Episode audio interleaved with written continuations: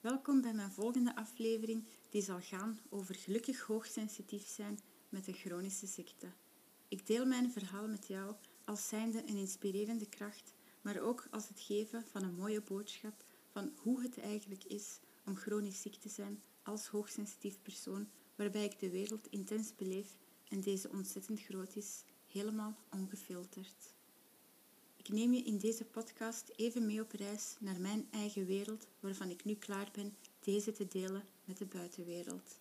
Neem wat je nodig hebt, de handvaten die ik jou als luisteraar aanreik en de inspiratie, maar ook het gevoel van kracht die je tijdens het luisteren hopelijk ervaart. Beluister deze podcast wanneer je jezelf bevindt in een veilige en ontspannende omgeving. Het wordt afgeraden deze aflevering te beluisteren tijdens het rijden of het besturen van motorisch aangedreven voertuigen en of toestellen waarbij de aandacht kan verminderen. Deze aflevering kan een ontspannende en geconcentreerd effect hebben op het lichaam en de geest. Wanneer je depressieve gedachten hebt of psychologische hulp nodig hebt, neem dan contact op met je arts of roep de hulp in van een psycholoog of psychiater. Graag vermeld ik hierbij kort dat bepaalde citaten die voorkomen tijdens deze podcast komen van een welbekende Nederlandse lifecoach, Michael Pilarczyk, uit zijn boeken Leef je mooiste leven en zijn vertaling van het boek van Napoleon Hill, Think and Grow Rich, die ik zeer warm kan aanbevelen deze te lezen. Ook zijn podcast kan je beluisteren en vind je op zijn website en zal deze bij de omschrijving van deze podcastaflevering staan. Hij heeft mij geholpen op een moment dat ik in het duister tastte en handvaten nodig had die leidden tot nieuwe inzichten en me bovenal inspireerde, moed en kracht gaf. Dus dankjewel, Michael Pilarczyk, voor het delen van jouw levenservaring en het schrijven van jouw inspirerende boeken die bovendien makkelijk te lezen en te begrijpen zijn. Dan is het nu tijd om je mee te nemen op mijn reis. Er is geen perfecte wereld die is gevuld met bloementuinen en de zon die iedere dag schijnt waarvan ik de warmte kan voelen op mijn huid, met een vogelzang als achtergrondmuziek en het water die kabbelt in een beekje die over de uitstekende keien vloeit. Het is voor mij een wereld waarin ik kan wegdromen wanneer ik mijn ogen sluit, wanneer de prikkels die ik heb opgevangen gedurende de dag me hebben overspoeld om rust te brengen in mezelf. Het is mijn moment om even uit te zoomen en drukke gedachten, gepieker en zelfs angst even parkeer, terg de pauzeknop indruk. Het onderzoeken van wat ik van binnen voel en hoe mijn lichaam voelt, is moeilijk voor mij als HSP'er met een zwaar posttraumatisch stresssyndroom, zeg ik heel eerlijk. Ik leef te veel in mijn hoofd en moet nog leren meer voeling te krijgen met mijn lichaam en hetgeen rondom mij gebeurt. Dit oefen ik door mijn ogen te sluiten en simpel te voelen, het bewandelen van een blote voetenpad bijvoorbeeld. De overlevingsmodus heeft afgelopen jaren te veel aangestaan en staat automatisch telkens aan het roer van mijn schip. Mijn schip die verschillende ankers heeft uitgegooid in de loop der jaren die me beletten verder te kunnen varen. De overlevingsmodus heeft een bijzonder sterke kracht en ontzettend veel controle over mij als persoon, hoe ik denk, redeneer, omga met situaties en hoe ik emoties kader, inclusief emoties en gedragingen van anderen. Dat is logisch, omdat het vaak het enige was die er iedere dag voor me klaar stond wanneer ik zoveel moest trotseren in mijn leven. En chronisch ziek worden was daar slechts één van. En ik probeer nog altijd te begrijpen waarom mij deze taak werd gegeven. Ik plots dagelijks de opdracht kreeg om voor het meest normale te knokken: leven. In de toekomst, wanneer mijn acceptatie is voltooid, in het hoe en waarom zal me dat meer verlichting brengen en voornamelijk rust. Hoe hobbelig het pad des levens mag zijn, wordt voornamelijk bepaald door eigen gedragingen, hoe je er als persoon mee omgaat. Je kiest niet altijd hoe het leven loopt, maar wel hoe je er zelf op reageert en mee omgaat. Dat is het verschil tussen wat je wel of net niet kan controleren. De kunst is om eigen emoties de juiste sturing te geven in de juiste richting, daar naar waar je wil zijn in de toekomst. Ik ging voluit rechtdoor, wat er ook op mijn pad kwam. Ik had een doel voor ogen en verloor deze geen seconde uit het oog. in welke situatie dan ook. Telkens wanneer mijn pogingen mislukten, veranderde ik van tactiek en ging net zo lang door tot ik de juiste had en zo alles geleidelijk aan op zijn plaats viel. Het kostte me jaren, maar ik kan nu trots zeggen dat ik tevreden ben met waar ik nu sta in mijn leven. Op de goede weg, met nog veel ruimte voor verbetering, groei beter gezegd. Mijn fout was hierin mezelf te verliezen en de automatische piloot mijn cockpit had overgenomen, zoals ik al eerder zei. Maak niet dezelfde fout en parkeer gedachten en angst tijdig. Treed uit je hoofd en creëer voeling met wat er is om je heen. Koppel jezelf even los en maak connectie met de natuur. Laat je batterij even op, waardoor je nadien weer productiever en objectiever kan zijn. Plant de zaadjes waarvan je wil dat ze groeien en zorg tijdig voor om het onkruid te wieren. Laat je bloementuin niet overwoekeren door te veel onkruid. Wanneer onkruid gaat overwoekeren, gaat dit overheersen en uiteindelijk de controle overnemen van je prachtige bloementuin. Wees waakzaam over jezelf. Zorg voor jezelf en meest van al, wees aardig voor jezelf. Maak er een gewoonte van om positieve gedachten te creëren in plaats van negatieve. Dat is autosuggestie. Neuroplasticiteit of neurolinguistisch programma kan je hierbij helpen. Met mij gaat het goed en je hoort het jezelf zeggen terwijl je je van binnen voelt schreeuwen. Niemand kan begrijpen wat je doormaakt en dan is het makkelijker om gewoon prima te zeggen. Je liegt voor de buitenwereld, maar laat dat je nooit definiëren op wie je werkelijk bent. Het is ook een kopingsmechanisme dat diep geworteld zit en soms maakt net dat het iets makkelijker en dat is volkomen begrijpelijk. Je voelt zoveel fysieke ongemakken waar je dagdagelijks mee te maken hebt, emoties die er vervolgens mee gepaard gaan. Het valt moeilijk te omschrijven omdat je zelf al overspoeld wordt met dit geheel, die ook zo ontzettend beladen is met prikkels die van alle kanten komen en blijven komen, kunnen veranderen. Dag tot dag, minuut tot minuut kan alles plots zo verschillend zijn en jezelf van de ene uiterste in de andere valt. Het is onmogelijk alles in klare taal te verwoorden, waardoor de gevangenschap in je hoofd toeneemt, je als het ware gevangen houdt, want je neemt alles waar wat er in je mind en lichaam gebeurt, maar je kan ze niet delen of je weet niet hoe. Dat is ontzettend zwaar en voelt heel eenzaam. Alles gebeurt tenslotte van binnen in je lichaam en in je hoofd en er valt langs de buitenkant niets aan te merken. Het is voor buitenstaanders erg moeilijk om te begrijpen dat er iets mis is, of er überhaupt iets mis is, en vraagt veel empathisch vermogen van die persoon. Zeker wanneer je lijdt aan één of meerdere zeldzame aandoeningen. Dat maakt het allemaal nog eens eens zo ingewikkeld, want het komt niet vaak voor en de medische wereld heeft zelf niet alle antwoorden in pacht. En sterker nog, er is geen vastomlijnde behandeling of genezing. Het is ook te complex om eerlijk te zijn en mensen zijn vatbaar voor negatieve prikkels, want het stemt niet overeen met hun eigen gevoel of perceptie van de wereld waarin het normale door de maatschappij erin wordt geramd en ook al van jongs af wordt voorgekoud. Het normale van gezond zijn, naar school gaan, later gaan werken en een gezin stichten. Alles wat buiten deze lijnen valt is haast onacceptabel of abnormaal. Noem het ondermaats voor mijn part. Er lijkt mij een ernstig tekort te zijn van mensen met een hoog empathisch vermogen waarin hun liefde voor iemand met chronische ziekte overvloeit en zich engageert om hier meer over te willen weten. Helpen en voelen en ook deze personen durven liefhebben. Een persoon die lijdt aan een ernstig tekort van empathie, inlevingsvermogen en het gebrek van het in staat zijn te ervaren van eigen emoties en voeling te maken met anderen, heeft de grootste onzichtbare beperking ter wereld, naar mijn mening.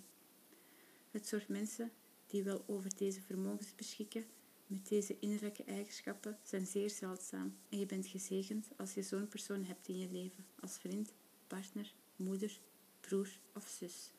Sta er even bij stil, want dat nuanceert de harde realiteit rondom jezelf een beetje. Er is geen goed of kwaad ter personen in dit verhaal. Het is een kwestie van je te omringen en open te stellen bij de juiste personen, die jouw duisternis wat licht geven, de steun en kracht om door te gaan. Alleen maar redenen om ten volle te leven. En hierbij geraak ik op het stuk dat ik voor mezelf erg ontzettend gezegend ben met een liefdevolle partner en mijn kinderen, mijn rode draad door het leven. Ik ben dankbaar voor de lotgenotengroepen op Facebook. Ik zou me amper raad weten zonder. Niet alleen het emotioneel contact, maar ook de steun, hulp en herkenning die op welk vlak dan ook levens kan redden. Voornamelijk daar waar artsen de bal nog vaak misslaan. Want net zoals onze maatschappij hebben artsen hun eigen maatschappij, waarin alle letters binnenin het boek moeten staan en alles wat eruit valt wordt niet herkend of afgeschreven. Sterker nog, worden de fysieke klachten psychisch genoemd. In deze moderne geneeskunde gebeurt dat helaas nog veel te vaak en dan is het moeilijk om daar nog boven te staan. Sterk in je schoenen te staan, want zij bepalen je levenskwaliteit. Zij moeten ons helpen te achterhalen wat er mis is en ons hierin helpen. De faling hierin is nog veel te groot. God, wat heb ik het daar jaren onder geleden en heeft het bijgedragen aan de ontwikkeling van en ook een onderdeel van mijn PTSS en angststoornis. Ik heb telkens de ene arts na de andere afgeschuimd en telkens meteen ontslagen als deze me niet kon helpen. Een arts die ik uitkies en betaal moet me helpen en als diegene hierin valt, houdt het verhaal op. Het kostte me jaren, maar mijn volharding en doorzettingsvermogen, vechtlust en de wil om te leven hebben gewonnen, uiteindelijk. De valkuil voor mij hierin was en nog een beetje is dat ik niet weet wanneer het tijd wordt die overlevingsmechanismen uit te zetten, want dat is het enige die ik ooit in mijn leven heb gekend, het enige dat vertrouwd voelt en me nooit in de steek heeft gelaten. Maar het wordt tijd om zelf bewust te gaan leven, zelf het roer in handen te nemen van mijn schip, dit met kleine stapjes. Het is een onderdeel van een breed herstelproces en dat is best beangstigend in het begin. De weg naar vrijheid met talloze opportuniteiten en mogelijkheden. Wanneer er deuren zich sluiten, openen er. Mijn gouden tip voor iedereen die lijdt aan één of meerdere chronische aandoeningen is om jezelf hierin te verdiepen. Doe het nodige opzoekwerk en blijf in de juiste context. Raak niet, niet angstig aan het typerende dokter Google die op de proppen komt met het meest beangstigende theorieën. Lees medische wetenschappelijke onderbouwde stukken en studies, niet zomaar een stukje tekst van een of andere website, blog of wat dan ook. Maar echt online geplaatste literatuur en de beste hierin is deze die in het Engels is gepubliceerd. Ook internationale Engelstalige lotgenotengroepen staan meestal een paar stappen verder en hebben een groter publiek over de desbetreffende aandoening. Voorzie jezelf van zoveel mogelijk informatie, onderbouw je eigen dossier en maak dit bespreekbaar bij je eigen arts. En ga net zo lang door totdat je een arts hebt gevonden die luistert en je wil helpen. Eerlijk is eerlijk, die angst komt van mij en is ontstaan in mijn eigen gedachten. De perceptie van de objectiviteit en subjectiviteit werd steeds vager, waardoor angst zich groter maakt en zich telkens meer manifesteert op elk willekeurig moment van de dag, maar meestal wordt geactiveerd door een trigger. Deze trigger is meestal iets waar de angst op gebouwd is. Wanneer dat dreigt realistisch te worden, wordt dat meteen geactiveerd, zoals een brandalarm die afgaat wanneer deze rook detecteert. Maar brandt het daardoor dan systematisch of kan het ook iets anders zijn? Kan rook enkel maar rook zijn, terwijl het gezegde luidt, waar rook is, is vuur? Angst is een mindset waar je controle over kan krijgen en sturen. Gedachten vertalen zich in fysieke equivalenten. De wereld bestaat uit twee dingen, energie en materie. Ze kunnen niet gecreëerd of vernietigd worden. Het leven kan, net als andere vormen van energie, verschillende overgangsprocessen doormaken of veranderen, maar nooit niet ophouden met bestaan. Bijvoorbeeld, de dood is slechts een overgang. Als er niets is na de dood, behalve een eeuwige diepe slaap, is er niets om bang voor te zijn. Als je deze logica kan aanvaarden, hoeft er geen angst voor de dood meer te zijn. Ik betreur het onderwijssysteem waarin angst, depressie en het gewicht van de wereld niet wordt geëduceerd om weerbaarheid op te bouwen en waarin het zelfvertrouwen wordt ontwikkeld en vervolgens wordt beschermd. Niet iedereen groeit op in een veilig en liefdevol gezin. Je wordt een soldaat die de grens van zijn eigen bestaan moet bewaken. Zo hoort het niet te gaan in dit leven. En het spijt me als jou dit is overkomen, maar het is een herstelproces. Je moet enkel het beginpunt trachten te vinden samen met de richtingaanwijzers die je hierin begeleiden. Problemen ontstaan in eigen gedachten. De meeste zorgen voor doemscenario's die je bezighouden komen voort vanuit verbeelding. Hoeveel keer zijn zulke scenario's al werkelijkheid geworden? Als je blijft hangen in gepieker of gefixeerd bent op een probleem, koester je het negatieve. Een probleem is zoals een vraagstuk waarvoor er nu nog geen oplossing is. Volgens de boeddhistische denkwijze zijn het leermeesters. Het probleem zal zich blijven aandienen op je pad totdat er een oplossing voor is gevonden. Tot je hebt aangetoond dat je de les begrepen hebt, om zo nieuwe obstakels te overwinnen.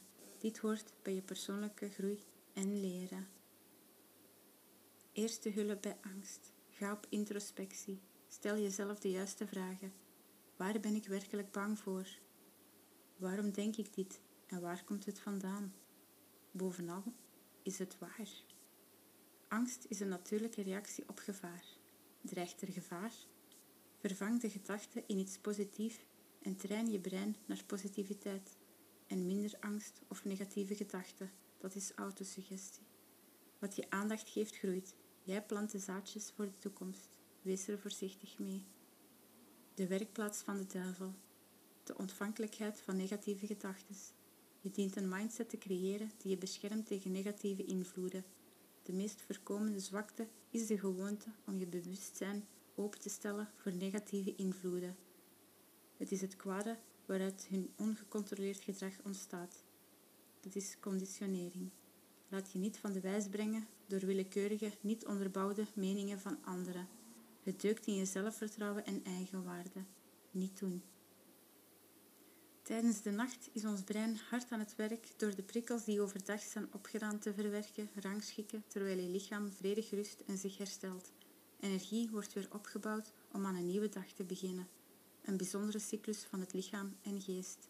Maar wat als deze wordt verstoord door angst of nachtelijke dromen?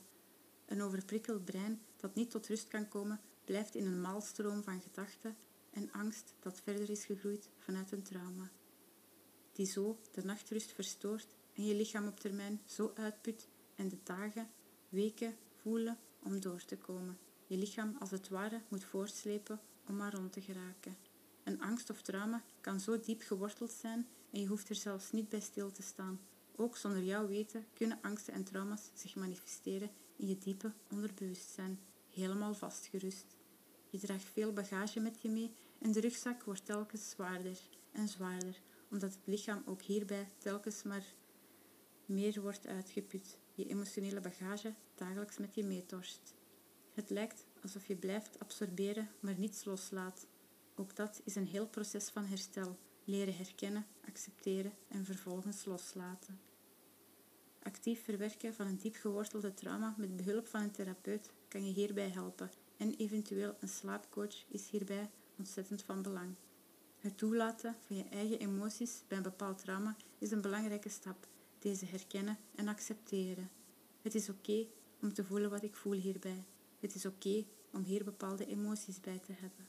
Het is oké dat dit nu aanwezig is en ik hierbij stilsta en hoe zou ik me voelen als ik deze loslaat en gewoon tot rust kom. Focus je op hetgeen je wel wilt. Herschrijf je eigen gebeurtenissen of angst in iets positiefs en geloof daarin. Oefen je mind, oftewel brein, om ontvankelijk te leren zijn voor positieve gedachten en prikkels. Zet een zacht muziekje op als achtergrond of beluister een audioboek of podcast. Alles waar jij mee tot rust kan komen. Meditatie, ademhalingsoefeningen of zelfreflectie voor het slapen gaan helpt om de rust in het lichaam en geest te creëren. Creëer een rustige slaapomgeving en mijd voor het slapen gaan stimulerende middelen zoals cafeïne en ook prikkels van onder andere schermen, zoals een tv, gsm of tablet. Wat je denkt te zien voor in de toekomst is nog onbeschreven. Er zijn oneindige mogelijkheden in de toekomst die constant verandert. Elke beslissing die je neemt creëert een ander alternatief. De toekomst is nog niet geschreven. Je moet je focussen op het hier en nu. Je leven leiden. Leer jezelf om te stralen in je eigen licht. Niemand kan dit voor jou doen. Doe wat je graag doet. Maak voor jezelf een vastomlijnd doel en bepaal heel gedetailleerd de stappen die je moet ondernemen om daar naartoe te werken.